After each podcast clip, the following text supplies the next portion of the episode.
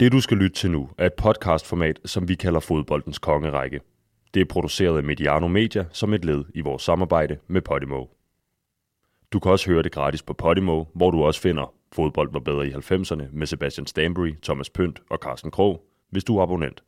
Prøv Podimo gratis i 45 dage, hvis du ikke allerede er kunde. Gå ind på podimo.dk-konge. Hos Podimo finder du også eksklusive udsendelser som Anders og Anders og Hav og Kamal. Rigtig god fornøjelse.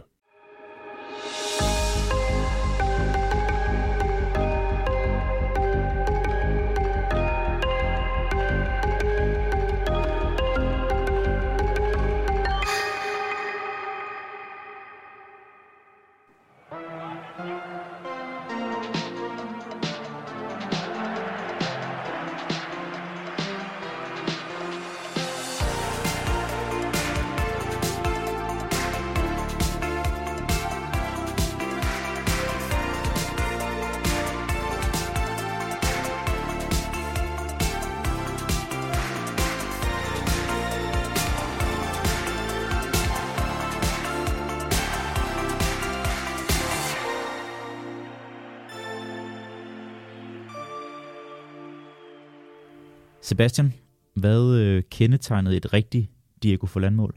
At det var jo scoret uden for feltet. Jeg synes jo, det gør ham til en interessant spiller, eller en interessant topscore-type, det med, hvor mange mål han lavede uden for feltet. Og jeg kan huske den der statistik med Ruth van Nistelrooy, hans holdkammerat i Manchester United, der i al sin tid i United nærmest aldrig scorede et eneste mål uden for feltet. Og så er det bare sjovt at se en spiller, der endte med at blive en topscore-type øh, senere i sin karriere, som simpelthen bare kunne hamre til den der bold. Han kunne ikke modstå en bold, der hoppede, og han var også rigtig dygtig til at sparke den. Morten Forland, han er jo blot en af mange sydamerikanske topangriber, der tilbragte nogle af karrierens bedste år i Atletico Madrid. Hvor pokker passer de her to komponenter så godt sammen med Atletico og sydamerikanske angriber?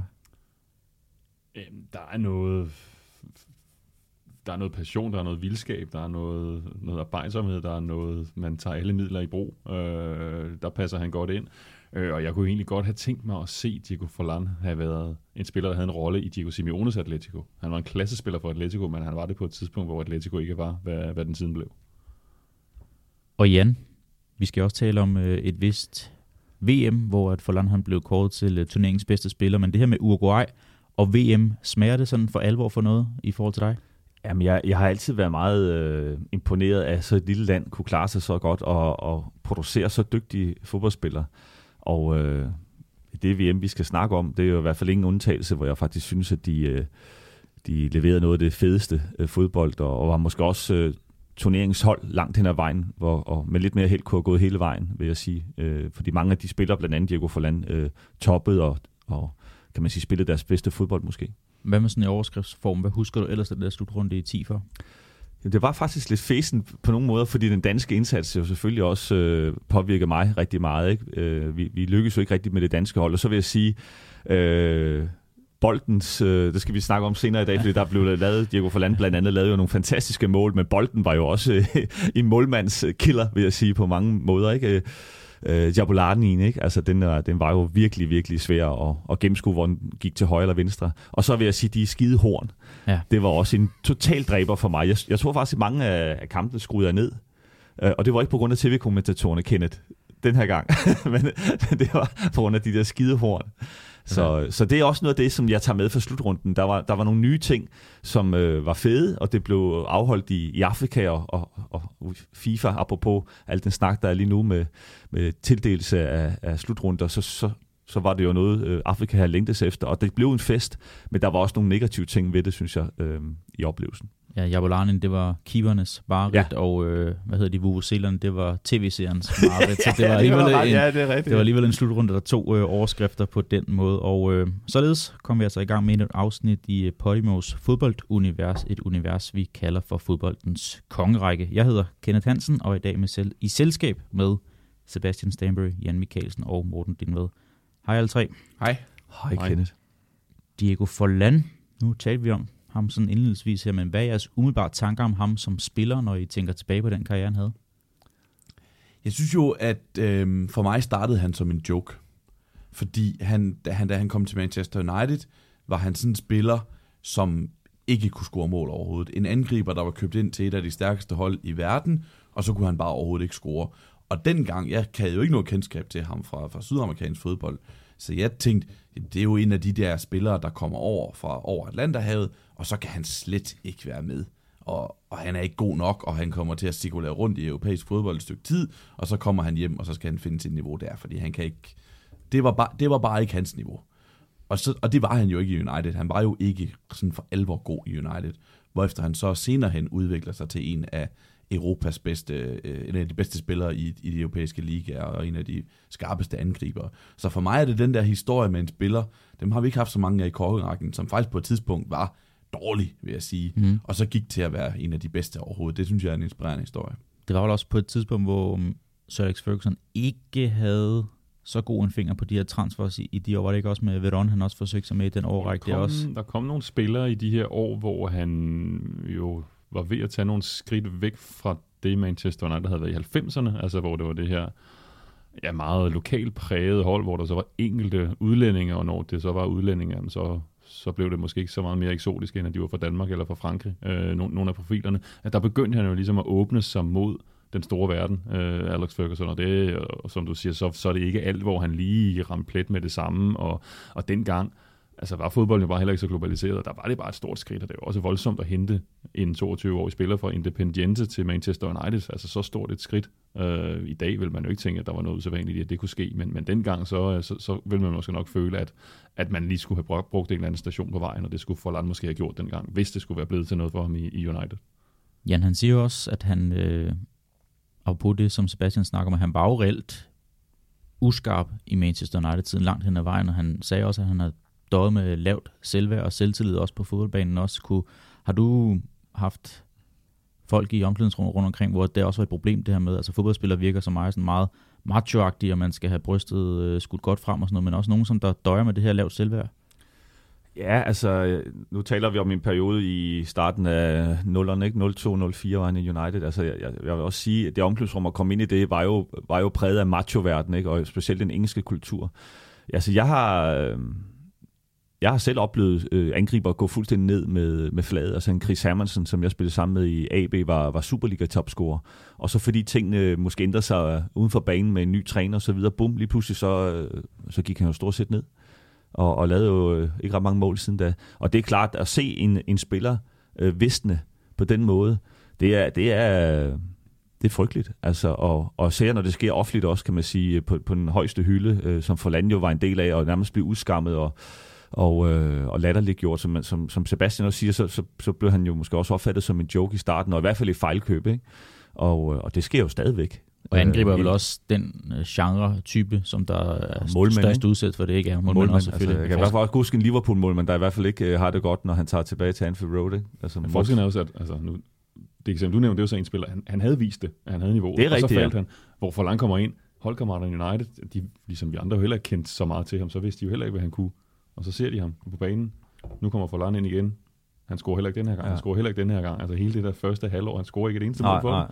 Og så ender det så med, at han sådan må tikke sig nærmest at sparke straffespark i en Champions League-kamp i den, i den, i den næste sæson mod, mod et hold fra, fra Israel, hvor David Beckham så giver ham, giver ham lov til at sparke oh, det her spark, det fordi at, at der var måske også lidt, de kunne godt mærke det måske om det, han har brug for det. Han skal ligesom i gang få den der måde. byrde af, af skuldrene, han er den der ja. angriber, der, der snart har været et år, han har ikke scoret mål for os. Men jeg synes stadigvæk, det er, selv, selv i, i nutiden, er det jo et problem, hvis man kommer som i hvert fald dyrt indkøbt øh, angriber, og ikke præsterer. Altså, så er det jo noget, hvor man stille og roligt, øh, presset bliver større og større, og til sidst bliver det også en mental be, øh, belastning, og selvfølgelig gør det det. Er det noget vås det her med, når spillere selv går ud og siger, eller træner også går ud og siger, at vi skal ikke forholde os til prisen, vi har givet for den her spiller, men, men det er vel et pres, om man har betalt, øh, lad os sige, 5 millioner euro eller 75 millioner euro for en spiller?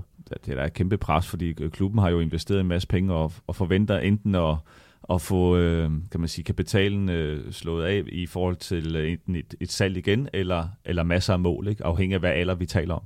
Men øh, jeg synes, øh, Glenn har jo en pointe i, at det er en spiller, der har bevist sig. Altså det er klart, øh, når, når Real Madrid køber, køber en Cristiano Ronaldo og sådan noget, så, så ved man jo langt hen ad vejen, hvad man får. For land var måske også sådan en, en, øh, en lotto på nogle måder, men, men en lotto til mange penge også. Ikke? Hvad siger det ja, om en person som Forlan, at han så altså ret tidligt i sin karriere oplevede den her nedtur i Manchester United, men alligevel ender med at få den her karriere, både på, på klubber og landsholdsniveau, som der var ret øh, i øjenfaldende. Han er en fighter, og så tror jeg, det siger rigtig meget om ham, at han jo, som årene er gået, er blevet sådan en form for kultheld også i Manchester United. Altså, der er jo den her historie, da, altså, da Jose Mourinho er manager for Manchester United, så er der en eller anden kamp i, i slutningen af hans første sæson som træner, hvor, han, hvor uh, tv-kameraen de fanger Mourinho, der sådan vender sig mod Michael Carrick, der er hans assistent, og hvor han sådan spørger, who's Diego? Altså, hvem er ham der Diego, som United-tilhængerne de synger om op på tribunen? Og så får han så, Diego Forlan. Og hvor han kigger sådan lidt, altså den der, hvorfor synger de om Diego Forlan, mm-hmm. Uniteds tilhænger? Han, det var da sådan et flop, der var der for mange år siden, men der var han, alligevel efterlod han noget, fordi der var den der, altså han, han gav altid alt, hvad han havde, når han var på banen for United, og det var noget, de værdsatte, ikke? Og så var der de der enkelstående momenter, som, som ligesom går over historien. Altså den der angriber, der ikke kunne score ret mange mål, så scorer han alligevel to mål på Anfield, øh, hvor de vinder. Det er jo på et tidspunkt, hvor han ikke har scoret ret mange mål øh, i, i hans første hele sæson. Øh, så på den måde har han alligevel efterladt et eller andet, ikke? og det, det, det siger jo lidt om, om den der karakter, han er. Det er måske også det, der har kunne gøre, at han så efterfølgende faktisk kunne få den karriere, han fik, at han ikke bare knækket af det der ophold øh, på Old Trafford. Og så er der jo bare nogle spillere, der skal lige modnes lidt. Altså, vi har mange eksempler på spillere, som også tager fra, fra danske klubber, og så lykkes de ikke i de første. Så skal de lige hjem. En Christian Nørgaard for eksempel. Ikke? Altså, som, som de kommer enten for tidligt ud, eller de bliver valgt til det forkerte miljø, hvor de ikke passer til. Så skal man lige hjem, modnes lidt, få noget, bruge den erfaring, man har fået, og så er man klar til næste øh, step. Ikke? Øhm, og jeg synes også, Diego, når man ser ham som spiller, så øh, blandt andet i, i 2010, så er han jo ikke kun angriber. Han er jo også en, uh, en spiller, der går ned og, og binder spillet sammen og er en spilfordeler. Så, så måske er Diego Forlan også lidt øh, fejlkastet som den der øh, klassiske angriber. I hvert fald, når jeg kan man sige, dissekerer hans, øh, hans spidskompetencer. Sebastian, vi kan køre en blå bog på om, øh, om et kort øjeblik, men øh, hvis du sådan øh, lukker øjnene og forestiller dig Diego Forlan, hvilken trøje er han så iklædt? For jeg synes, det var lidt svært at dele op, sådan, om det er enten Villarreal, Atletico-trøjen, Uruguay-trøjen. Jeg tænker ikke, at det er Manchester United-trøjen, han er på. Nej, Eller ikke kitschy, tror jeg. tror selv ikke. Han nåede at være nogle steder til allersidst i karrieren. Ja, der, ja der, var, der var et run, det kan vi også lige vende tilbage til mm. på et mm. tidspunkt der til sidst. Jeg tænker Uruguay, fordi han, han bar det der hold i 2010, og følger så op med øh, at vinde Copa America året efter i 2011. Så jeg, jeg tænker Uruguay, netop fordi både Villarreal og Atletico Madrid øh, var han egentlig stærk i, ikke? Altså, eller var, var han ordentligt stærk i, stærk i, og jeg forbinder ham meget med begge klubber, så hvis, hvis, jeg ved ikke, om jeg skal vælge, hvad for, en, hvad for en jeg skal vælge af de to. Så for mig er det Uruguay, også fordi han er så uruguayansk, som han er. Ikke? Øh, det, netop det med det mentale, ikke? at han har de her svære, svære år i United. Første sæson i Villarreal, topscorer. Øh, det, det, det, det siger noget om, at han var altså ikke slået ud af det her. Han, skulle ikke, han var ikke sådan en, der skulle bruge lang tid på, og flere sæsoner på at komme sig over den, den her United-tid. Han slog bare til, ikke? Og, og så man jo talt om, hvad, hvad er sådan mest kendetegnende for Uruguay? Er det mentalt stærke angriber, eller mentalt stærke midterforsvar? Jeg, jeg, jeg kæmper stadigvæk lidt om, hvad, hvad jeg synes, der er mest uruguayansk. Skal vi køre en blå bog på, for at vi lige bliver lidt oplyst, og lytterne kan ja, vide, hvor han var henne omkring i karrieren. Han er fra Montevideo i Uruguay, som vi har nævnt. Han er fra maj 79, og altså derfor 43 år gammel den dag i dag. Han indstillede karrieren i 2019, efter kort ophold, som du var inde på, Morten, i, øh, i Indien og sidenhen i Hongkong. Og skruer vi tiden tilbage til start, så tilbragte han sine første fem år som professionel i Independiente i Argentina, hvor han øh, scorede i lige godt hver anden kamp, han øh, spillede i. I 2002 tog han så til Manchester United, hvor Sir Alex Ferguson tilbød ham en kontrakt. Opholdet i England bød dog ikke på øh, specielt mange opture, mange flere nedture, og to år senere i 2004 røg han så til spansk fodbold. Først til Villarreal, så til Atletico fra 07 til 11. Og herefter så gik det sådan lidt slag slag rundt omkring. Først en tur i Inter, International i Brasilien, Osaka i Japan, Peñarol i hjemlandet. På landsholdet, der optrådte han 112 gange, scorede 36 mål, hvilket var rekord indtil at øh, Luis Suarez, han nappede den titel fra ham for nogle år siden. Og han blev topscorer i La Liga i to omgange. Sebastian nævnte den her sæson i 05 for Villarreal, et par år senere i 09 for Atletico, og så vigtigst i forhold til øh, den her udsendelse, så vandt han altså prisen som VM's bedste spiller ved slutrunden i 2010 foran Wesley Snyder og David Villa, de to finalister. Hvad falder mest i øjnene, synes I? jeg har noget med de der to Petiti-trofæer, som han får. Øh, han gør det for to forskellige klubber. Han gør det øh, først i fem, så først efterfølgende i ni, så det var heller ikke sådan noget med lige to gode år, han havde i rap. Øh, og han gør det foran Samuel to begge gange for overordentligt stærke Barcelona-trofæer. Det er ham, han ligesom holder bag sig i det der kapløb. Så, så det med, at han, at han kunne at han gik fra at være den her spiller i United, som ikke må, scorede nogen mål. Han scorede nogle vigtige mål på, på visse tidspunkter, men det var meget i stimer, og det var meget korte stimer i United. Og så tager han til Spanien og bliver topscorer, og for to forskellige klubber, og bare var en, en af de bedste angriber i den liga i, i adskillige sæsoner. Det, det, det, det gjorde indtryk for mig. Ja, så to meget forskellige klubber. Øh, det, det, det siger også noget, at han kunne, kunne gøre det der. Altså, vi er det alle på det tidspunkt, hvor han kommer der til efter United, altså, der, var, der havde de jo ikke etableret sig som det her mere eller mindre permanente tophold, som det siden gik hen, gik hen og blev. Og det, det er jo en meget, meget lille klub, hvor trykket for omgivelserne jo ikke er Jeg tilnærmelsesvis berettiger, berettiger til klubbens, øh, klubbens størrelse, og så kommer til Atletico, som på det tidspunkt var det her notoriske galehus, som øh, underpræsterede år efter år efter år, øh, og hvor der også i den tid, han var i klubben, var masser af uro, og så alligevel kunne han også gå ind og præstere under de her, øh, under de her omgivelser. Ikke? Og så også hold, der var sat sammen på vidt forskellige måder, spillet på vidt forskellige måder. Altså jeg, nu spørger du om det der billede der, altså jeg har sådan klubmæssigt er der nok to billeder, jeg har. Altså det ene, det er Forland, der står sammen med Riquelme i Villarreal. Altså det der hold, altså det er et af de fedeste hold, jeg kan huske sådan i spansk fodbold de sidste mange, mange år. Og så det andet, det er Forlan sammen med Aguero i, i Atletico Madrid. Ikke? Altså, de var der jo sammen. Altså, det, det der Atletico-hold, der var der, spiller for spiller, var det ikke ret meget dårligere, end det de senere fik under Diego Simeone. Men dengang, der havde man bare slet ikke strukturen, øh, trænerkapaciteten til ligesom at få det samlet til, øh, til at kunne til at kunne blive noget varigt, noget holdbart, du kunne få, få succes. Men altså på de gode dage, så var det jo også et, et klassehold, og de her to angriber sammen, det var, det var en fryd at se dem. Hvad kunne de her to forskellige argentiner gøre for Forlan? Både øh, altså den mere rendyrkede playmaker i Riquelme i Villarreal, og så øh, den her angrebskonstellation mellem ham og Aguero? Jamen det var jo netop, ja, den første, der får du vel ikke mange, jo, Michael Laudrup ville jo nok også være meget god til at have til at servere nogle, nogle, nogle, nogle bolde til en, men det var jo det var den ultimative regissør, altså den sydamerikanske tiger, som kunne sætte angriberen op. Forlan kunne også godt selv lægge op til mål, men altså, de fandt hinanden godt. Altså, der er nogle af de der kampe, altså, hvor der var, der var bare en forståelse mellem dem. Altså, Forlan vidste, hvornår han skulle løbe. Han vidste, hvis han løb på det rigtige tidspunkt, så havde Riquelme, han havde øjne i nakken, så han nok skulle fornemme, hvor rummet var. Øh, altså at se, at se Riquelme for, for, for Villarreal. Altså, jeg glemmer aldrig, at jeg var der, da de, da de vinder kvartfinalen i Champions League over Inter. Altså se den der, det, det, det var, det, det var så anderledes. Altså, det var som at se et sydamerikansk hold spille Champions League, øh, fordi alt var bygget op om Riquelme. Altså, alt skulle gå igennem ham, Øh, og så havde Forlan måske også, fordi han kom fra Uruguay, han havde måske også i en ungdomsår været vant til at spille med sådan en sydamerikansk tiger, som dominerede det hele, øh, og så tage løbende fra ham, ikke? og se den der måde, de fandt hinanden, det var vildt fascinerende. Og så en Aguero var noget andet, det var mere sådan en angrebsduoen, ikke? Altså, ja. hvor de kunne altså, du veksle lidt, og hvordan de kunne gøre, hvor, hvor Forlan måske bedre kunne, der kunne han mere løbe, løbe mere i rummene omkring ham, hvor Aguero måske holdt sig lidt tættere, tættere på feltet. Ikke? Så det er den der med, at han, at han jo viste, at han kunne, kunne fungere i meget forskellige hold. Ikke? Det uruguayanske landshold var jo også øh, var jo også noget andet igen, ikke? Sådan lidt karakteristika som ham som spiller. Nu var Morten inde på det, Jan, men øh, vi talte også om sparket udefra, som der måske er død lidt hen, efter man har fået XG øh, skudt op i næsen hele tiden. Ja, men, det er øh, det. Jamen, altså, jeg, jeg, vil, jeg er enig med Sebastian, altså langskuddet øh, også øh, i, forhold, i forhold til, at vi skulle øh, gøre os klar til i dag, så gik jeg ind og, og, og fik genopfrisket nogle af de de highlights, han har haft, og vil sige, altså hans, hans spark, øh, både med højre og venstre, men selvfølgelig mest med højre, men, men han kunne faktisk med begge ben, ikke? Øh, og så synes jeg faktisk, han, han har en fin fart. Altså han er ikke sindssygt hurtig, men han har faktisk en, en, en pæn fart, øh, og hans timing er eminent. Den måde, han kan prikke bolden og egentlig øh, komme forbi folk uden, uden at have de store finder eller noget i sit spil, eller, eller heller ikke noget specielt stort temposkift. Men han havde en fantastisk timing, synes jeg, i, øh, i driblingerne. Og så synes jeg faktisk, han øh, også øh, jo ældre han blev, så synes jeg, han blev dygtigere og dygtigere til at gå ned og blive bindeled mellem angreb og, og midtbanen netop og kunne sætte tingene sammen.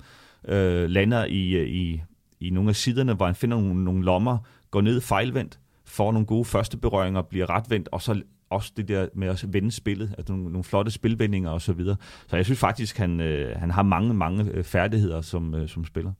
Jeg tænker, langskud men en anden ting, jeg også tænker på, det er, at jeg synes, han var snu klog. Ja. Men, men det er ikke så tit, at det hænger sammen med langskud, så siger man, at det har jo en lav øh, procent i forhold til, at det kan lykkes. Men, men var der reelle svaghed i hans spil?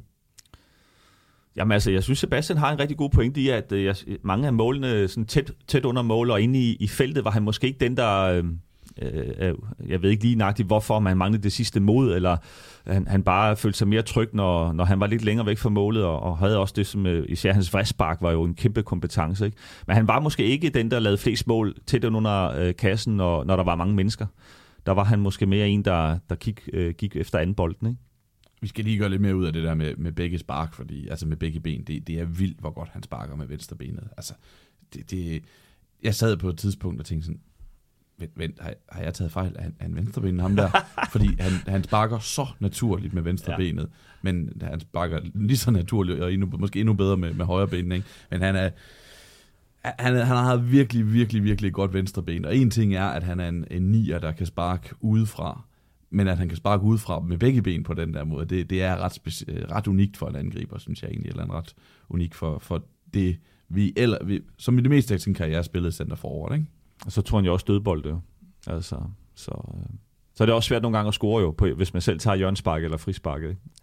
Men jeg synes da også, at når vi så har set nogle af de her mål i hans øh, målpakker, der, der er også mål med hovedet, så synes jeg egentlig, vi er ved at være meget godt hen i forhold til at gøre ham som en ja. nogenlunde komplet angriber, selvom jeg, ja. jeg deler den her med dig, Jan. Siger, jeg synes, han mangler måske det tæt under mål. Altså, øh, der, ja, der var så han ikke helt komfortabel ved at være altså, tæt øh, inden omkring 2-3 hård midtstopper, at han bedre kunne lide at, være lidt længere væk og drive lidt rundt på banen. Ja, men også det der, sådan, du ved, så gik han måske, måske derind med sådan, når indlægget kom, så fandt han lige noget rum, hvor han øh, læste, altså netop det der med at være snu og være intelligent, så læste han, hvor anbolden vil, vil lande, og så kunne han sparke på den første gang. Ikke? Øh, typisk med et vredspark. Vi skal tale om højde- og lavpunkter om et kort øjeblik, øh, og særligt den her slutrunde i 10, men Morten, har du et bud på, hvornår Diego Forlan han var bedst? Nu taler vi om nogle af de her øh, rigtig fine sæsoner i Villarreal og Atletico. Har du sådan en sæson, måske en af topscorer-sæsonerne, hvor han var allerbedst og uhyggelig sådan en periode på en 3-4 måneder måske? Ah, det, jeg synes, jeg synes jo, de to, at det, men det er jo igen der, de to første år i Villarreal, altså fordi det er, altså han kommer på det tidspunkt, hvor, altså hvor det hele stikker af for Villarreal, altså hvor, hvor de går fra at være den her lille, upåagtet klub, som er kommet op i den, i den bedste række øh, for en by med 50.000 indbyggere. Øh, og så i den første sæson, han er der, så bliver de nummer tre, og han bliver topscorer i ligaen. Jeg så ham og Riquelme score 40 mål til sammen, øh, og året efter, der kommer de i semifinalen i Champions League. Altså den der, det er der helt vilde gennembrud, vi der øh, oplever, og hvor der er to spillere, der ligesom står i spidsen for det, det er Riquelme og det er Forlan. Det, det, det, det, synes jeg var stort. Ikke? Der, der var det, altså Atletico-tid var jo også præget af, at der var så meget uro i det. Altså den der måde, han slutter, altså hele 2010, altså med at de vinder Europa League-finalen, han scorer, ja, det er begge semifinaler mod Liverpool, at han scorer i begge kampe, og han er den, der sender dem i finalen, han scorer begge mål i finalen, og så direkte videre til, til, VM, ikke? Så de der forårs sommermåneder i 2010, altså det, det er jo der, det er jo sådan der, det går helt, det går helt amok, ikke? Og så selvfølgelig Koring ved VM som den bedste spiller, som jeg husker dengang var det jo sådan, og måske ikke alle, der lige tænkte, at Diego Forlan skulle have den der VM-guldbold, øh, som er årsagen til, at vi snakker om ham i dag.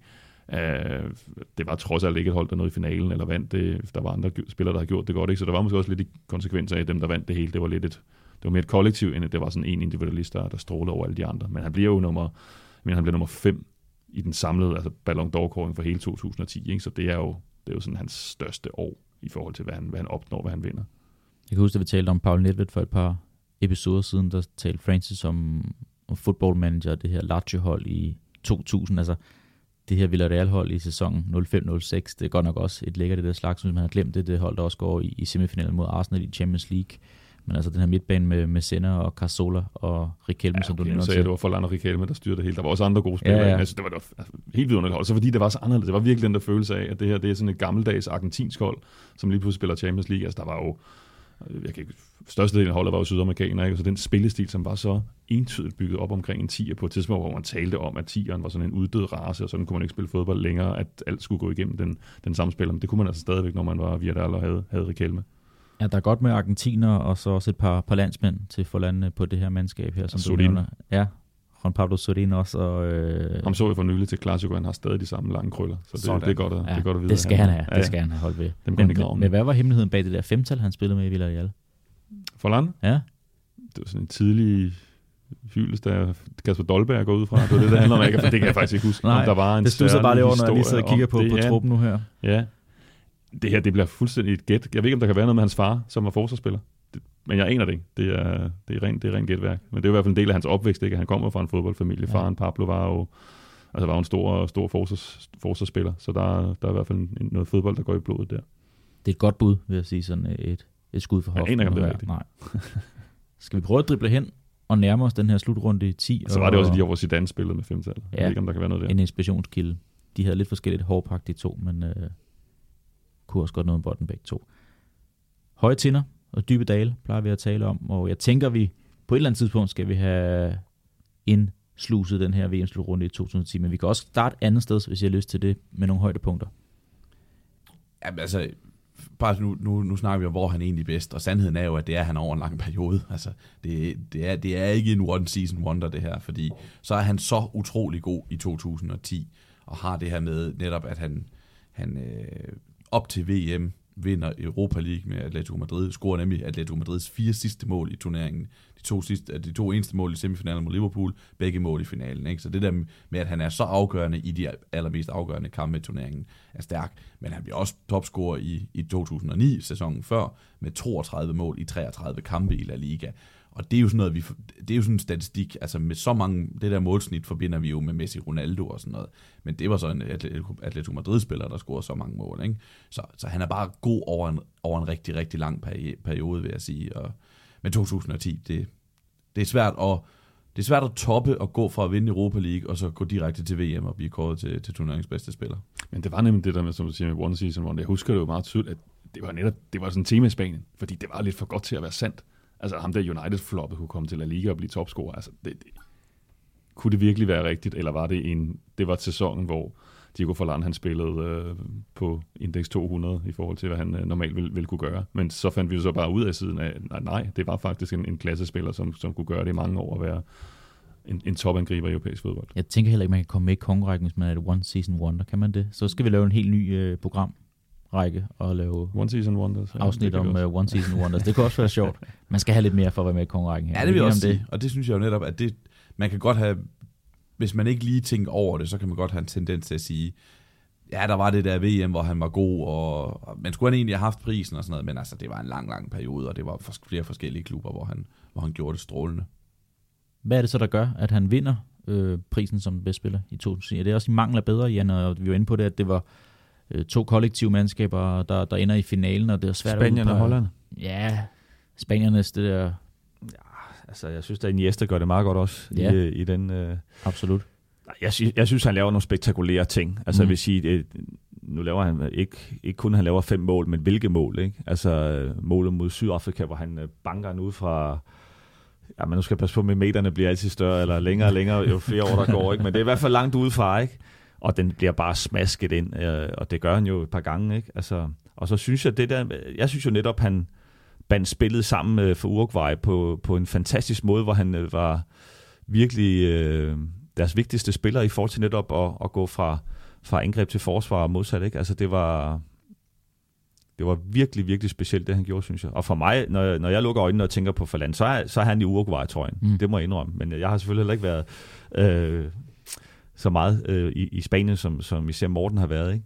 Men øh, for mig, der er han, øh, der er han simpelthen en øh, eksponent for, for det 2010 Uruguay-hold, hvor han, synes jeg, præsterede fantastisk, og laver også masser af assist og sådan noget. Ikke? Så, ja. Og så tror jeg også, der ligger noget i, at jeg tror, når vi sidder her i dag, så kan man måske godt lige glemme lidt, hvor stor en overraskelse det egentlig var, at Uruguay nåede semifinalen. Det er rigtigt, ja. Altså, nu har vi jo vendet os til siden, da at Uruguay, det er jo, det er jo stærkt hold, de er der altid, og altså, de skal nok kunne, kunne gøre et eller andet, ikke? men dengang, altså det, den foregående slutrunde, der har de tabt playoff til Australien en gang før, der mødte Jan Michael og Danmark, så kunne man jo selvfølgelig ikke komme videre, ikke? og i 90'erne havde der også været slutrunde, hvor de ikke var med, så Uruguay havde lidt været en, det var den der gamle øh, magtfaktor, som på forunderlig vis havde vundet to slutrunder langt tilbage i historien, men nu havde virkeligheden og deres lidenhed jo ramt dem, så derfor så kunne man ikke længere forvente, at de kunne gøre noget. Ikke? Så der var det, altså wow, at Uruguay kunne nå en semifinal, det, det var stort, så derfor var der var der måske også sådan en, et ønske om ligesom at anerkende, hvor stor en bedrift det havde været. Ja, det var en overraskelse, det, det er fuldstændig korrekt. Men de var med i nogle fede kampe, altså nu ved jeg ikke, om vi tager dem slavisk, men altså det,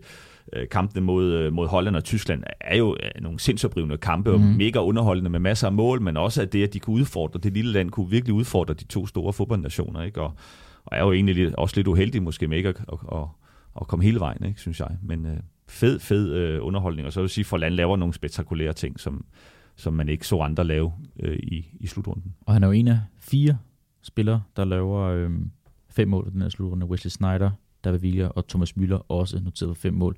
Men jeg hæfter med, nu, nu snakker du om det mål mod Sydafrika, men han laver altså en flugter, han scorer på straffe, han scorer på frispark, han laver langskud mod Holland, og så laver han sådan en stusbold i bronzekampen mod Tyskland også. Ja. Eller undskyld, ja, flugteren er helt sindssyg også. Ja, mod ja. tyskerne, ja. ja. Altså, så det er også fem forskellige mål, han laver på en slutrunde. Det synes jeg også er ret unikt, ja. taler for, at, øh, der får han også vist sig frem på alle mulige Jamen, forskellige jeg, jeg måder. synes, han, han virker som en komplet spiller i, i, i de kampe der. Det, det må jeg sige også. Øh, ikke kun øh, med mål og sådan noget, men også i hans spil, hvordan han øh, sætter det hele op, og, og som, jeg, som jeg synes binder tingene sammen.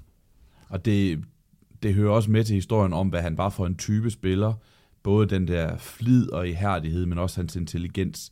At der går en historie om det, at, øh, at han nogle måneder inden VM, fordi den her Jabulani-bold var så besværlig, som den var, får fat i Adidas og får fat i nogle af de her Jabulani-bolde, og så træner med dem efter træning i Atletico Madrid, øh, for, for at vende sig til bolden. Det må vi jo sige, at han kontrollerede den der bold bedre end nogle af de, ja, faktisk nogle andre spillere ved den her slutrunde. Ikke? Og det var jo fordi, han havde, han havde lagt en indsats i rent faktisk at, at kontrollere den, før han mødte i træningslejre med Uruguay, og det betalte sig. Han blev også den første uruguayaner til at runde 100 landskampe for sit, øh, for sit land. Jeg kan ikke huske, om han gjorde det under slutrunden der, men det, det gjorde han, og sidenhen, der, de har jo et havspiller, der har spillet rigtig mange kampe. Jeg ved, at øh, Sebastian, du er fascineret over, at Godin han er med i den, det den nuværende trup nu her. Han stadigvæk øh, eksisterer den dag i dag. Ja, og Fernando Muslera er også stadigvæk sådan, at tænke, gud, for han også, altså, Luis Suarez skulle hjælpe mig igen også, ja. Ja, der, der er Cavani, altså man, der er mange spillere fra det her 2010-hold, som stadigvæk er med, det er ret fascinerende. Men dengang var de jo ikke stjerner endnu. Uh, Suarez var stadigvæk i Ajax, og Cavani var ikke blevet noget endnu, og uh, hvad han hedder, Diego Godin var heller ikke sådan vital som en, som en af, en af verdens bedste forsvarsspillere, men Forland var en af verdens bedste på det her tidspunkt, og trak sit hold hele vejen til en bronzekamp. Jeg kan huske det her, jeg, jeg mødte, eller jeg var nede og besøg Michael Krondeli i Ajax, dengang at Luis Suarez også var der. Nu bliver det lidt andet end, øh, end, end Diego Forlan nu her. Men han sagde jo, at øh, Suarez han fyldte meget omklædningsrummet. Det var også ham, der fik lov til at styre den der ghettoplads, de havde dernede. Og så havde han på indersiden af sit skab et billede af Shakira hængende. Synes jeg, jeg, kan, jeg tænker altid på det, når jeg ser Luis Suarez, at han så endte med at spille med Gerard Piqué så mange år i, øh, hun er ledig i nu, FC Barcelona. Hun er, det kan være, hun er på markedet. Det kan være, at, øh, at, at det er en årsag til det. Har vi andre højdepunkter fra øh, Diego Forlans karriere? Ja, vi, så kan vi lige gentage, at han vandt Copa America ja. i 2011, fordi de vandt jo ikke noget ved det der VM, og de fik ikke engang medalje, vel. Men, men det, at de så året efter vinder det sydamerikanske mesterskab, og Uruguay har så stærke traditioner, man ikke, ikke vinder øh, hvert år længere, til, for at sige det mildt, det at han, han vandt en titel med sit land på den her måde, og går hele vejen igennem turneringen uden at score, bortset fra et mål i en konkurrence mod Argentina, og så scorer han lige to gange i finalen det, øh, det tror jeg har været stort for ham at stå med det der, der findes det der billede, hvor han står med pokalen, og så står Martin Cassettes i øvrigt fuldstændig nøgen i baggrunden. Det, det, kan man, det kan man finde på internettet, hvis man har den slags lyster. Men øh, det er for ham at stå med den pokal må være stort. Mere end det må være stort for ham at stå med Cassettes nøgen i baggrunden. Ja, altså, fordi det bliver nemlig, det viser det der VM, det var ikke en tilfældighed. Altså, de var virkelig blevet stærke, øh, og fik jo også den her landsfaderskikkelse af en landstræner, som de havde så mange år, Oscar Tabarte, som øh, som Forlan selvfølgelig var, var, var, var tæt knyttet til, og hvor de bare formåede også at få det altså virkelig at skabe et stærkt kollektiv. De havde så store stjerner, især offensivt, at det kunne, godt, det kunne hurtigt have givet nogle problemer. Det der med, periode, hvor Cavani skulle ud og spille venstre, venstre midtbane eller sådan noget, for at få plads til ham, fordi der skulle være plads til Forlan og Suarez op foran. Altså den der, øh, den der treenighed af, af offensive superstjerner, men, men man havde jo ikke indtryk af, at der var, var nogle problemer mellem de her spillere. Altså de, de vidste godt, at når, altså når de tager den der landsholdstrøje på, så sker der, så sker der bare noget specielt. Altså det er det, det er jo nok det er jo et af de vildeste landshold i verden, det der. Ikke? Altså sådan at fornemme det der, det der, der brænder i dem. Jeg kunne huske, jeg talte med, med hvad hedder han, Guillermo Varela, da han var i FC København, som jo også, han har også udtaget til VM nu her, har jo været med ind i landsholdet før. Ikke? Altså det, jeg, jeg tror, den der, sammen, den der stolthed over at repræsentere Uruguay, jeg tror næsten ikke, den kan sammenlignes med noget andet. Altså fordi de er bare så stolte over det der lille land med 3 millioner indbyggere gennem historien så de altså godt kunne, uh, kunne konkurrere med, med kæmpe store Argentina og Brasilien øh, igen og igen og igen, og har jo vundet ja, flere Copa America-titler, end Brasilien har, ikke? Og, og lige så mange VM, VM-turneringer som Argentina. Har du kendskab til, sådan, øh, når du er på det sydamerikanske kontinent, hvad hemmeligheden på opskriften er, i forhold til, at det fungerer så godt for dem? Altså, de taler om det der garra, som er det der koncept, altså det er jo det der den der kampgejst, den der viljestyrke, der er. Ikke? Altså, det er jo det, vi kendetegner dem, dem med. Øh, det er jo ikke, altså når vi, når vi taler Uruguay, så er det, ikke, det er jo ikke det smukke spil, vi taler om. Øh, men det her, det er den der ekstreme viljestyrke, øh, at man gør alt, hvad der skal til, og til tider kan det også være brutalt og decideret hårdhændet, ikke? for det har jo ligesom også været deres måde at kunne konkurrere på, øh, fordi de jo godt ved, at de har sjældent lige så gode spillere som Brasilien og Argentina, så derfor må de lidt til nogle andre midler i, midler i brug. Ikke? Og det, der har man bare indtryk af, at det, alle, alle køber ligesom ind på den der, den der mentalitet. Altså, du, du skal være en kriger, hvis du spiller for Uruguay. Og morgen, du nævnte hans far, Pablo, der også spillede på det uruguayanske landshold. Det var også noget med, at der var en farfar, der også gjorde det, og de nåede faktisk alle, eller alle tre så med Diego også, at vinde Copa America. Det er også ret unikt for en familie, at øh, tre generationer har været med til at vinde det sydamerikanske mesterskab i fodbold. Kan det passe, det var en, mor, en morfar? Morfar, undskyld. Ja, ja. mener jeg. Øh, Juan Carlos Corazo. Det er meget fedt, ikke? Jo. Jamen det, jo, og det siger jo... Der har man lidt at snakke om til, til søndagsmiddagen, ikke? Nu nåede du også at vinde Diego, så de to andre så og siger. Han var landstræner, ham med øh, morfaren der på et tidspunkt også, ikke? Øh, og det er jo netop, det går i generation, og det går i arv, og Uruguayerne i, i 2022 spiller på samme, egentlig på samme måde, som de gjorde for 20 år siden og for 40 år siden, ikke? fordi den der garder, den brænder i dem. Og det er jo derfor, at de har de her angriber, som er så gode, og de har de her stopper, de er så gode, så gode, fordi de har nogle stopper, som bare siger, du kommer ikke forbi. Du kan bare prøve, og de har nogle angriber, der siger, jeg løber efter den bold, jeg løber efter den bold, jeg løber efter, også efter den der bold, og jeg arbejder hele tiden i holdstjeneste samtidig med at lave 25 mål på en sæson. Og det er det, når, altså når man så tænker Diego Forlan, ikke? vi ved godt, når vi taler om Luis Suarez, så kender vi jo godt til alle historier om hans skyggesider, og hvad han har foretaget sig gennem årene. Ikke? Dem har vi jo ikke på samme måde med, med Diego Forlan. Men han var også bare en kriger, ikke? han var også en fighter, det er også der, så tror jeg, det der gør, at han har fået den der status som, som sådan lidt en kult i Manchester United, fordi at de netop mærkede. Det kan godt være, at han ikke lige ramte målet hver gang, men altså, han var der hver gang. Det var ikke sådan, altså det var ikke et Kasper Dolberg-attitude, når han var på banen. Øh, det, det, var den der følelse af, at han, han kæmpede, og han gjorde alt, alt, alt hvad han kunne. Ikke? Og den, den har de bare med sig, øh, de her uruguayanere. Det er højdepunkt. Du nævnte øh, kampen på Anfield tilbage i december 2003. Det var jo en tid, hvor at, øh, han havde haft ganske få muligheder, og heller ikke grebet, når han endelig havde fået muligheden. Det var jo en Manchester United-trup med Ruud van Nistelrooy som det klare første valg med Ole Gunnar Solskjaer som anden violin, og så Diego Forlan som, som tredje angriber oftest. Men det var en kamp på Anfield, hvor at Sir Alex Ferguson han spillede med alle tre angriber, og så gav det på en eller anden måde på med de her to scoringer fra Diego Forlan. He came det, from Uruguay, he made the scouts cry. ja, lige præcis. Det, blev, det blev sunget. Det kan være, at Mourinho han også hørt den på et tidspunkt, og han tænkte, hvem pokker er de synger om stadigvæk der, men, uh, men skulle han have gået med den der angrebstrio noget oftere? Man kan selvfølgelig godt, altså når man ser tilbage på det, altså i Manchester United, så kan man godt tænke, altså, gjorde de noget forkert? Altså når man så, hvor god han blev. Mm.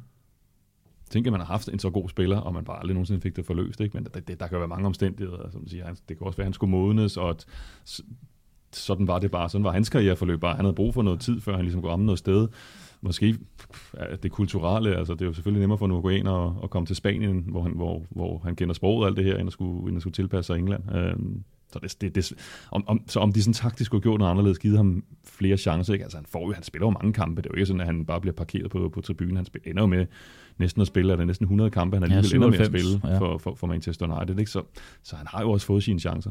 Og de erstattede ham der vel i 2004 med en vis, vis uh, Wayne Rooney, så det, det, det var ikke fordi, at United manglede firepower i angrebet sådan i, i årene efterfølgende, hvor Cristiano Ronaldo også lige pludselig bliver den bedste målscorer på planeten. Så de kunne godt undvære ham, og så var det fint, at vi fik ham til Spanien, hvor han rent faktisk blev forløst. Ja, 97 mål.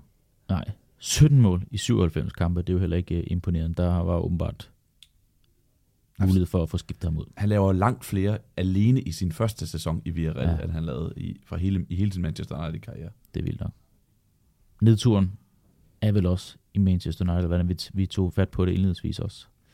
Ja. Jeg har faktisk et andet. Jeg, jeg, synes, jeg synes, det skæmmer altid i en spillers karriere, når man begynder... Hvor mange klubber har han til sidst? Ja, der er en del. Øh, Inter, ja, altså, International, ja. Cerezo, Osaka, Peñarol, Mumbai City og Kiché. Ja, og det er jo heller ikke, øh, det er heller ikke topliga han øh, vælger at præsentere øh, sig i. Altså, det synes jeg altid skæmmer lidt. Altså, øh, en, en, en stor spillers karriere. Siger, hvorfor fanden? Hvad fortæller dig? Hvorfor lander du i seks forskellige klubber i nærmest seks forskellige ligaer?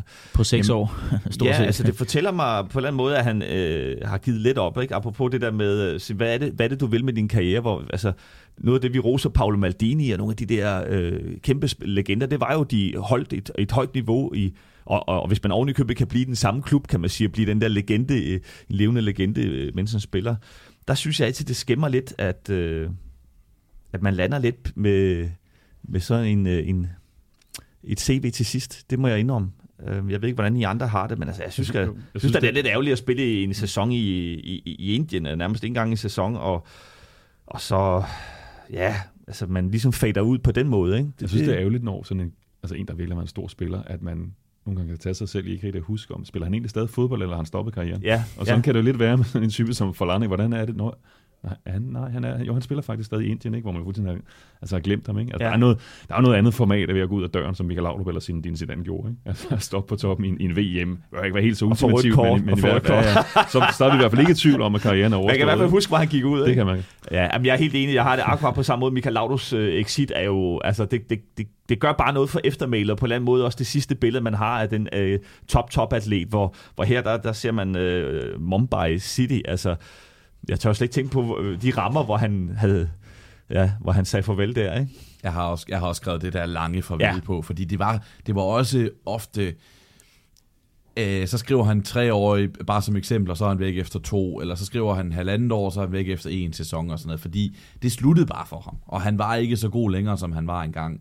Øh, og, og det sker jo for en angriber, øh, at for, du spiller på et eller andet tidspunkt. Aller, al, altså tiden indhenter alle. Tiden er den eneste modstander, man ikke besejrer. Det besejrede også Diego øh, Forland, uanset hvor meget han besejrede. Og, og det var, det, det skete faktisk måske lidt tidligt i forhold til, hvor god han havde været på et tidspunkt. Og så havde han det her lange, sådan, øh, nærmest jordomrejse, hvor han sejlede rundt til, til mærkelige klubber. Omvendt, så er jeg sikker på, at han har givet alt, hvad han havde, da han rendte over i Japan. Og, og man kan finde sådan en video, hvis man finder hans højdepakker på, højdepunktspakker på YouTube, så scorer han et brag af et frispark i en eller anden La Liga-kamp, og det næste klip, det er, hvor han scorer et brag af et frispark i, i, i den japanske, næstbedste japanske række, og sådan noget, og løber rundt og fejrer det som om, at, øh, så, så ligesom han gjorde i La Liga. Så jeg er sikker på, at, at han har givet sig de steder, han var. Han var, han var bare ikke lige så god længere, som han var. Det, det, det sluttede. Men, men jeg har det faktisk lidt som øh, Iniesta også. Ikke? Nu, nu spiller han i Japan og sådan er forsvundet lidt, og man ser ikke billeder og highlights fra, fra de kampe og så videre. Ikke? Og jeg tror da også, han... Øh, og nu sagde han godt nok så den anden dag, han har haft en depression, øh, efter han kom til Japan, så det er selvfølgelig måske ikke været så godt for ham. Men umiddelbart, så, så er der jo også et behov for at opleve noget andet, øh, nogle af de topspillere. Men, men sådan, når vi sidder her i et program som det her, og, og skal på en eller anden måde placere dem i, i en eller anden form for, for rækkefølge eller, eller hierarki, så, så synes jeg ikke, det hjælper øh, på deres øh, eftermæle og, og det omdømme, som, det som jeg sidder med. Det bliver i hvert fald bare irrelevant. Man kan lige så godt bare ja. slette det, når vi skal tale om i kongerækken, ja, fordi det er altså. jo ikke noget, der gør noget. Det er jo, som du siger også, det er, det er jo tidligt, ikke? Altså han er 32 i den sommer, 11, hvor han vinder Copa America, og hvor han så skifter fra Atletico til Inter, ikke? og der, altså der slutter det jo nærmest. Ikke? Mm. Altså der, der kommer han jo aldrig tilbage og, og bliver man kan ikke kalde, man kan ikke kalde det topniveau, ikke? Altså han går fra 2010 at være verdens bedste spiller, og så, ja, så, det, så det holder et halvt år. Så går, der, så går der ikke mange år, så spiller han øh, i nogle obskure øh, ligaer, ikke?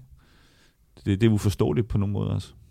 Og det er også noget med, at sæsonen slutter i Hongkong. Den slutter ikke om, om sommeren, men det var først altså en sommer sådan et halvt år efter, han reelt havde spillet sin sidste kamp. Han var ude og annoncere, at nu er karrieren forbi. Det siger måske også lidt, at han bliver nødt til sådan selv at gøre opmærksom på det, at jeg spiller ikke fodbold længere. Altså det siger også lidt om, øh, hvilket punktum det så endelig var for karrieren. Har I andet omkring øh, højt eller lavpunkt, eller skal vi drible lidt videre i, i programmet?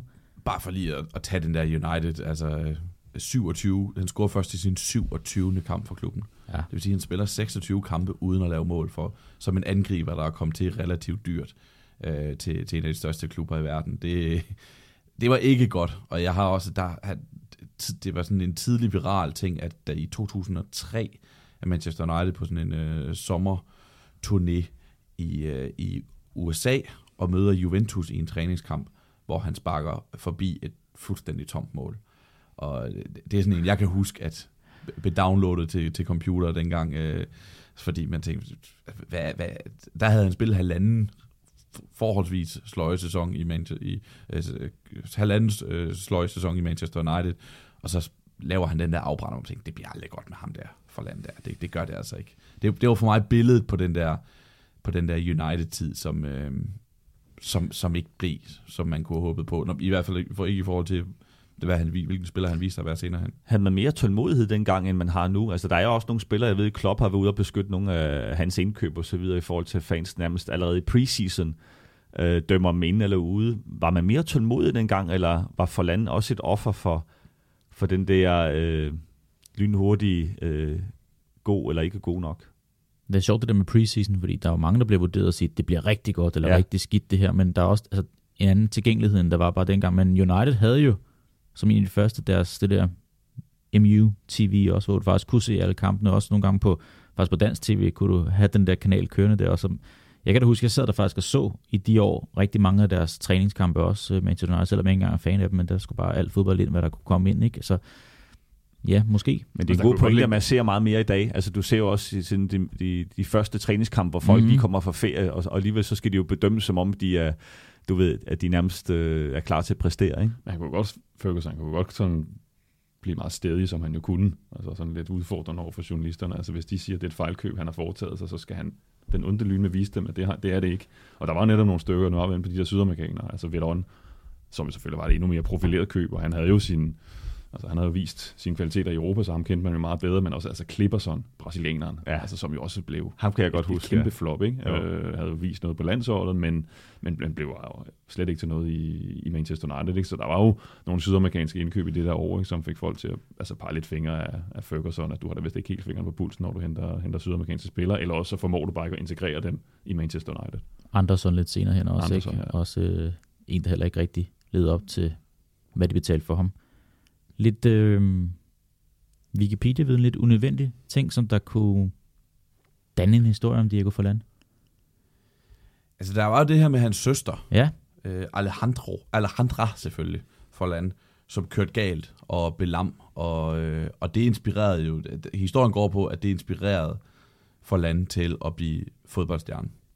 Øh, blandt andet for at hjælpe hende. Jeg kan huske, altså, det, det, det er forkommelsen det her, det har selvfølgelig ikke været noget, jeg kunne finde igen, men øh, en Champions League-kamp i United for 20 år siden, eller sådan noget, hvor øh, Svend Gers fortæller den her historie, og fortæller, at Forland bliver fodboldspiller, bliver professionel fodboldspiller, for at kunne hjælpe hende med at betale de udgifter, der måtte være til, at hun er, har det her handicap. Øh, og hvor Svend Gers citerer ham for at sige, jeg hjælper dig ved at blive verdens bedste fodboldspiller. Og så var der så en pause, fordi Forland var ikke verdens bedste fodboldspiller, men så sagde Svend Gers meget rigtigt, og nu er han i verdens største fodboldklub. Og det var jo egentlig meget fint. Altså, det her, det har været også en spiller, der har, der har kæmpet sig frem til at være, hvor han var, ikke? Ja, det var han. Altså, søsterens kæreste døde vist i den trafikulykke. Og så en anden, jeg delte den historie i går, så på, at Diego Maradona simpelthen også var inde og ville hjælpe med at betale for det ja. her, fordi han så kendte Forlands far, altså, som jo havde spillet, og hvor der så var et, et, et bånd mellem dem. Det var, at de havde svært at betale de der hospitalsregninger til søsteren i sin tid, så en anden Diego måtte ind og hjælpe til. Det, er det, vi lige for Diego Maradona. Ja, ja, også, nu, har vi, nu har vi sagt Diego rigtig mange gange, uden at sige Diego Maradona, Diego. så det, det var på sin plads. Jeg, jeg tænkte, da jeg først læste den her historie med søsteren også, det, så fik jeg forstået, fordi jeg kunne også læse, at han har været meget aktiv omkring nogle kampagner mod, at øh, man ikke skal køre bil, når man har været alkoholpåvirket. Altså tænkte, at det var måske en spritbilist, der havde forårsaget den her ulykke. Men det kunne jeg ikke helt blive klog på eller ej, men han har i hvert fald også været meget aktiv omkring det her med at få... Øh, få fjernet øh, spritbilister fra vejene rundt omkring os. Så øh, en aktiv herre uden for banen også. Altså, ja, en anden detalje, jeg faldt over, det er, at han øh, fortalte, her jeg tror det var for, inden for det, det sidste halve år, at han faktisk aldrig har været tilbage på Old Trafford, siden han forlod Manchester United. Og det er sådan lidt specielt at tænke på, men det ville han nu gerne, altså, fordi han kunne også godt mærke, at der var alligevel noget varme mod ham, så det er ikke fordi, han føler, at jeg kan, jeg kan ikke tillade mig at vise mig her igen. Han havde bare været tilbage i byen, da Alex Ferguson havde 25 års jubilæum som United manager. Der var han der, men det var så ikke på stadion. Øh, så det må alligevel være specielt, ikke? Altså at have spillet for selveste Manchester United to og et halvt år. Og så næsten 20 år efter man har forlod dem, så har man aldrig været på det stadion igen. Det er, ja, det er sjovt, at hans spillerkarriere ikke bragte ham forbi. Ja, for det, vi er der, efter han kommer til VR, de er faktisk i gruppe med Manchester United i den her Champions League, men der er han så skadet, da de skal spille på, på Old Trafford, så der er han så ikke med det er ikke så meget et fun fact, som det er mere et fun klip. Man, man skal undre sig selv og, og gå på YouTube eller et andet sted, og så finde det der klip, hvor han ikke kan få sin trøje på igen. Hvor det er en kamp mod Southampton, og øh, det var før, at det gav gul kort. Det har jo ikke altid givet gul kort at smide trøjen. Men han scorer mod Southampton, smider trøjen for at vende vrangen ud på den, og kan ikke få den på igen. Så da spillet bliver sat i gang, så får Land han løber rundt uden trøje på, men med hold trøjen i hånden og forsøger sådan, og, og, og fordi det er Diego Forlan, så står han jo ikke bare og forsøger at få den der trøje på, så han spiller faktisk, han løber med, og han erobrer bolden i bar overkrop, spiller den tilbage, løber så ud til sidelinjen og får en holdleder til at hjælpe ham med at tage, tage trøjen på, men det ser fuldstændig absurd ud, så absurd ud. I dag har han fået rødt kort, tror jeg. For. Der har han fået et gult kort, og så har han fået et gult kort mere for ikke at få trøjen på, da når spillet bliver sat i gang. Det, er, det, det, det ser så skørt ud, men det siger alt om Forland, at han så også lige råber bolden uden trøje på. Var det, var det sådan en lange, det godt, lange det der med trøje? at have de der muskuløse ja. overkrop, ja. kan man have svært ved at. Det, det, det er svært ved at sidde på. Trøjen, ikke? Og man kan lige se det, hvis det er sådan lange Ikke længere. han får viklet på vrangen, og så kørt nogle gange over hovedet måske, så Det var lige helt, præcis helt krøllet det. ind som sådan et uh, vådt viskestykke. Eller Det var nemlig lige præcis det, han gjorde. Altså, han, han havde jo den der med nogle gange trøjen ja. af, og så svingte den som en eller anden lasso på, øh, på pampassen, ikke? Og det, øh, den kunne han simpelthen bare ikke få på igen. Jeg skulle stå på linjen der. Jeg er mester i det. Min, min ældste datter, hun tager alt tøjet af på vangen, så jeg er mester i at få øh, tøjet tilbage igen i den, i den rette format. Øh. Nå, det synes jeg var et, et godt fun fact, eller fun clip, det må vi ind og, og kigge det nærmere på. Skal vi hoppe en tur i tidsmaskinen og kigge på øh, Diego Forlan i en øh, nuværende kontekst? Vi talte jo om ham som øh, en herre, der bøvlede med selvtillid, men også en herre, der godt vidste, hvor målet var, og på mange måder en moderne angriber i forhold til, at han også godt kunne lide at falde ned i rummene, Jan, og, mm. og deltage i det aktive spil, så han var ikke kun en, der stod øh, med 5 meter til stregen og prikkede den ind. Ja, og så for os, øh, som savner langskuddet i dag, fordi det er jo blevet fandme så øh, øh, ja, sat på formel mange gange, ikke? og jeg, tror, der er mange, der mener, at det ikke kan betale sig at sparke på mål øh, udefra. Jeg vil så sige, hvis du kan sparke som Diego Forlan, så det, giver det sgu da meget god mening, tænker jeg. Så jeg synes, der sagtens han kunne, øh, han kunne spille i, i moderne fodbold. Øh, og også fordi han er, han er meget en, en arbejdsom øh, type også, som, Ja. som kan man sige, angriber i dag skal jo også deltage meget mere i det, i det defensive, end, end måske nogle af de, af de typer, vi har omtalt i, øh, i kongerækken gjorde. Ikke? Så, så for mig at se, så, så kunne jeg sagtens se Diego Forlan øh, stadig øh, begå sig på, på topniveau herhjemme, eller i, i Europa. Også herhjemme, hvis det var. Også herhjemme. Øh, ja, jeg, jeg er enig, fordi vi snakker meget om det her med angriber. De, må, de skal ikke kun kunne score mål. Øh, De, det dur ikke med de der, der bare ligger og, og laver tab-ins ind, men som ikke kan så meget andet. Og for land, han kunne jo, han kunne jo rigtig være, være en del. Han kunne være del af et presspil. Han kunne være del af et link-up play. Han kunne, han kunne nemlig sparke på mål. Han kunne kombinere. Han kunne lave hovedstød. Altså, han ville sagtens kunne passe, passe ind i dag. Hvis vi kan sætte et navn på en, der kunne minde om ham nu her, er det så en vigtig ingrediens for det her med, at man også skal mestre langskud og måske også øh, være nogenlunde god med begge ben? Ja, fordi det, det, jeg synes jo, han var svær at finde. Ja. Jeg synes, det var svært at finde for land i dag, fordi jeg synes, han vil passe godt ind i dag, men jeg er svært ved at se, hvem det er, der er for land. Den her øh, øh, tynde angriber med, med det her fremragende spark med begge ben, som ikke, altså, hvor mange topscorer har vi i dag, som bare ligger og laver langskud på den der måde? Det synes jeg var vanskeligt at finde, og jeg synes jo, det er så stor en del af ham, så man kan ikke pege på en, en, en forlandenklon, uden han har det, det her langskud i sig. Nej. Jeg, jeg, jeg har kigget lidt mod støvlandet. Og også på det sydamerikanske kontinent. Lautaro Martinez også. Han kan nogle gange godt lide at tage frisparksbolden. Nu har de så Tjernolio, der rigtig gerne vil sparke frispark, og Di Marco har også scoret et par gange i den sæson for Inter. Han vil gerne sparke. Han er jo også argentiner, så han vil gerne byde sig til at blive dødbold det her, men han sparker også godt med begge ben. Han arbejder stenhårdt og har nogle gange tidligere i karrieren også spillet sådan en, hvad man kalder en, en second striker, liggende lige bag ved Lukaku, som han også gjorde i sin indertid tidligere, da, da Lukaku var der i første omgang. Så det var ham, jeg havde kigget lidt på. Jeg synes, jeg er et meget godt bud. Jeg tror også, jeg ville have svært ved at pege på en, som ikke var en sydamerikaner. Fordi jeg synes også, den der, altså mentaliteten skal også være med. Det skulle ikke være en tysker. Nej, det var lidt svært at få. Selvom, selvom de spillemæssige kvaliteter Ja. ja. måske passede meget godt, så, så er der bare noget andet, noget attitude, som, som jeg også ville føle skulle være del af det, for man virkelig kunne tale om det her. Det er, det er den nye forland. Den er købt, Martinez. Den, den kan jeg godt være med på. Ikke en øh, Joaquin K. Hvad hedder han? Angel Correa for Atletico. Han, han scorer ikke lige så mange mål. Han er meget arbejdsom, Ja. ja. men hans problem er så, at han ikke er så god til at score mål. Ja. Ja. Og det fandt vi så ud af, hvor lang han faktisk var. Det er, han skal til Manchester United. Så må han aldrig komme tilbage igen, åbenbart. Nå, det er det ene drejer sig om. Vi skal have placeret øh, VM's bedste spiller i 2010 på en kaminhylde. En kaminhylde jo i og med, at vi optager for 15. gang nu her, indeholder 14 navne. Jan, du sidder allerede nu og grubler, hvor pokker vi skal ja. finde plads til ham henne. Vil du have, den vil du have navnene? Ja, jeg, i hvert fald, at du må ikke komme med top 3 til mig, men Nej. det, måske for lytterne er måske For lytterne. en meget god øh, Okay. opsummering. Men det bliver jo noget med at holde tungen lige i munden for hver gang vi optager. Der kommer rigtig mange navne nu her, mange placeringer, men lad os prøve at rulle dem hurtigt igennem. Gert Müller er nummer 1, Zinedine Zidane er nummer 2, Maldini nummer 3, Thierry nummer 4, Michael Laudrup nummer 5, Ronaldinho nummer 6, Roberto Carlos nummer 7, Kaká nummer 8, Paul Nedved nummer 9, Fernando Hierro nummer 10, Dennis Bergkamp 11, Paul Scholes 12, Oliver Kahn 13, og så Hinke Larsen på en 14. plads. Jan siger allerede nu, at vi behøver sikkert kigge på, øh, på nogle af podiepladserne måske i forhold til Diego Forland. Hvor er vi henne? Der kan vi godt blive enige. Ja. Altså, det kommer altid til at lyde sådan, som om man, øh, at det er nedladende. Øh, men vi har så mange gode spillere med i den her, at jeg er nede i bunden.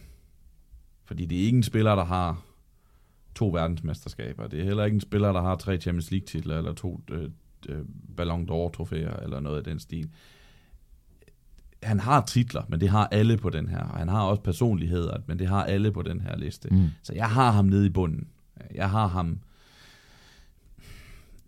lige foran eller lige bag ved Oliver Kahn, vil jeg sige. Og vi ved heller ikke, hvor mange mesterskaber har han. Det kommer an på, om vi diskvalificerer hans, hans sidste år i karrieren. Men han, han har jo et vandt mesterskab. han noget i Mumbai? Han har et mesterskab. Nej, han, han, vandt med, han vandt Hong Kong Premier League i 17-18 med, med de der Kichi der. Så, øh, og Peñarol vandt han også et mesterskab med. Men tæller altså ikke lidt... specielt meget hos mine. Nej, det er nok også det.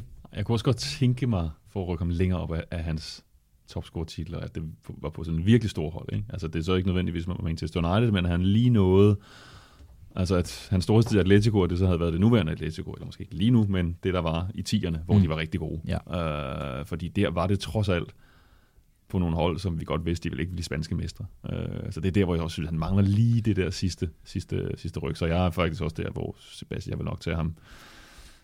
Var det foran Oliver Kahn? Ja, det, altså, så, så foran, foran Kahn og Henke Larsen var der, jeg var. Ja, ja noget, noget i den stil. Jeg, ved, jeg kan ikke bestemme for, om man skal være foran eller efter, efter Kahn. Jeg kan godt være tilbøjelig til at smide ham bag ved Oliver Kahn. Det er jeg nok også. Det to, der selvfølgelig er blevet kåret til VM's bedste i to forskellige slutrunder. Men Karen, altså han vandt Champions League. Øh, han var i en VM-final, hvor han så, som vi også talte om i udsendelsen, koster i en finale i en turnering, hvor han har været enestående. Og hvad For... så var han altså et powerhouse i Bayern München i 15 år, eller hvad vi kom mm. frem til. Ja. Han ender med at blive sat af landsholdet. Ja. Ja, jamen, det er da rigtigt. Og det, jeg ved ikke, hvor, hvis man sådan så kan tage målmændene, det er jo for sammenligne det, men hvor er Carlsen på målmands alletids bedste der, ikke? Vi snakker om de sidste 15-20 år, ikke? Med Iker ja. Casillas, Buffon, ja, Schmeichel. Jeg, jeg, jeg, jeg kan godt gå med til at sætte, ja. sætte uh, efter Karen. Han, han mangler jo, at det, ja, topscorer-titlerne har han med, med, med, med mindre klubber, ikke? Han mangler et europæisk mesterskab i en stor klub, hvor han spillede en nøglerolle. Det, det har han jo ikke. Han bliver vel mester med Manchester United, men det var som det tynde øl, ikke? Og så hans bedste år i Europa for Villarreal og for Atletico Madrid, som var særligt Villarreal havde det her op, op, øh, opstigende kurve i, øh, i, i midten af nullerne, hvor han var en stor del af det, men det var jo ikke sådan, at han gik ind i, at, at de gik ind og tog mesterskabet foran, foran Barcelona for eksempel, og, og det samme med Atletico Madrid, som heller ikke var, var en trussel i, i det titelkapløb den der gang. Ikke? Så han manglede lige to sæsoner i Real Madrid, hvor han banker 40 mål ind og, og, og vandt et mesterskab. Så kan vi putte ham på en øh, 14. plads, og så skårer vi Henke Larsen ned som nummer 15. Det, det synes kan, jeg, det ja, kan jeg godt være med. Og så holder vi, vi. brøle af dem for Bayern en, øh, Om vi lidt, ikke lidt foran ham. Det er godt, man ikke, er, man ikke er farvet her på programmet. ja. Ja, det, det er nok det, det, det, det er en god ting, Morten, ja, at holde, jo i næste uge og, holde sig på venner med, med Oliver Kahn. og bliver sur og råber af os. Det, ja. det går ikke. Godt. Vi giver øh, 14. pladsen til Diego Forland på vores øh, fiktive kaminhylde. Og så runder vi af for i dag og øh, retter blikket mod næste uge, hvor vi skal finde og tale om endnu en vinder af VM's guldbold. Det bliver fra Guds eget land, USA, og slutrunden fra 1994 så kan I så sidde og tænke over, hvem det bliver. Det skal nok blive godt, tænker jeg. Tak, Jan. Selv tak. Tak, Morten. Selv tak. Tak, Sebastian. Selv tak. Og tak til dig, lytter, for at lytte med. Vi høres, som sagt, ved i næste uge.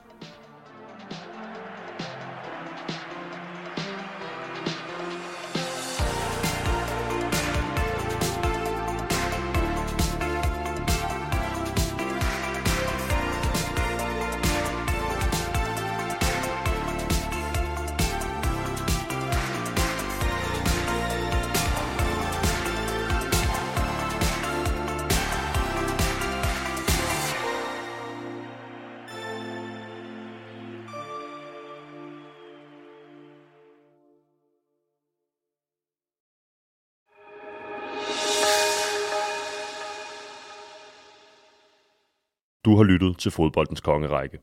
Det er produceret af Mediano Media som et led i vores samarbejde med Podimo.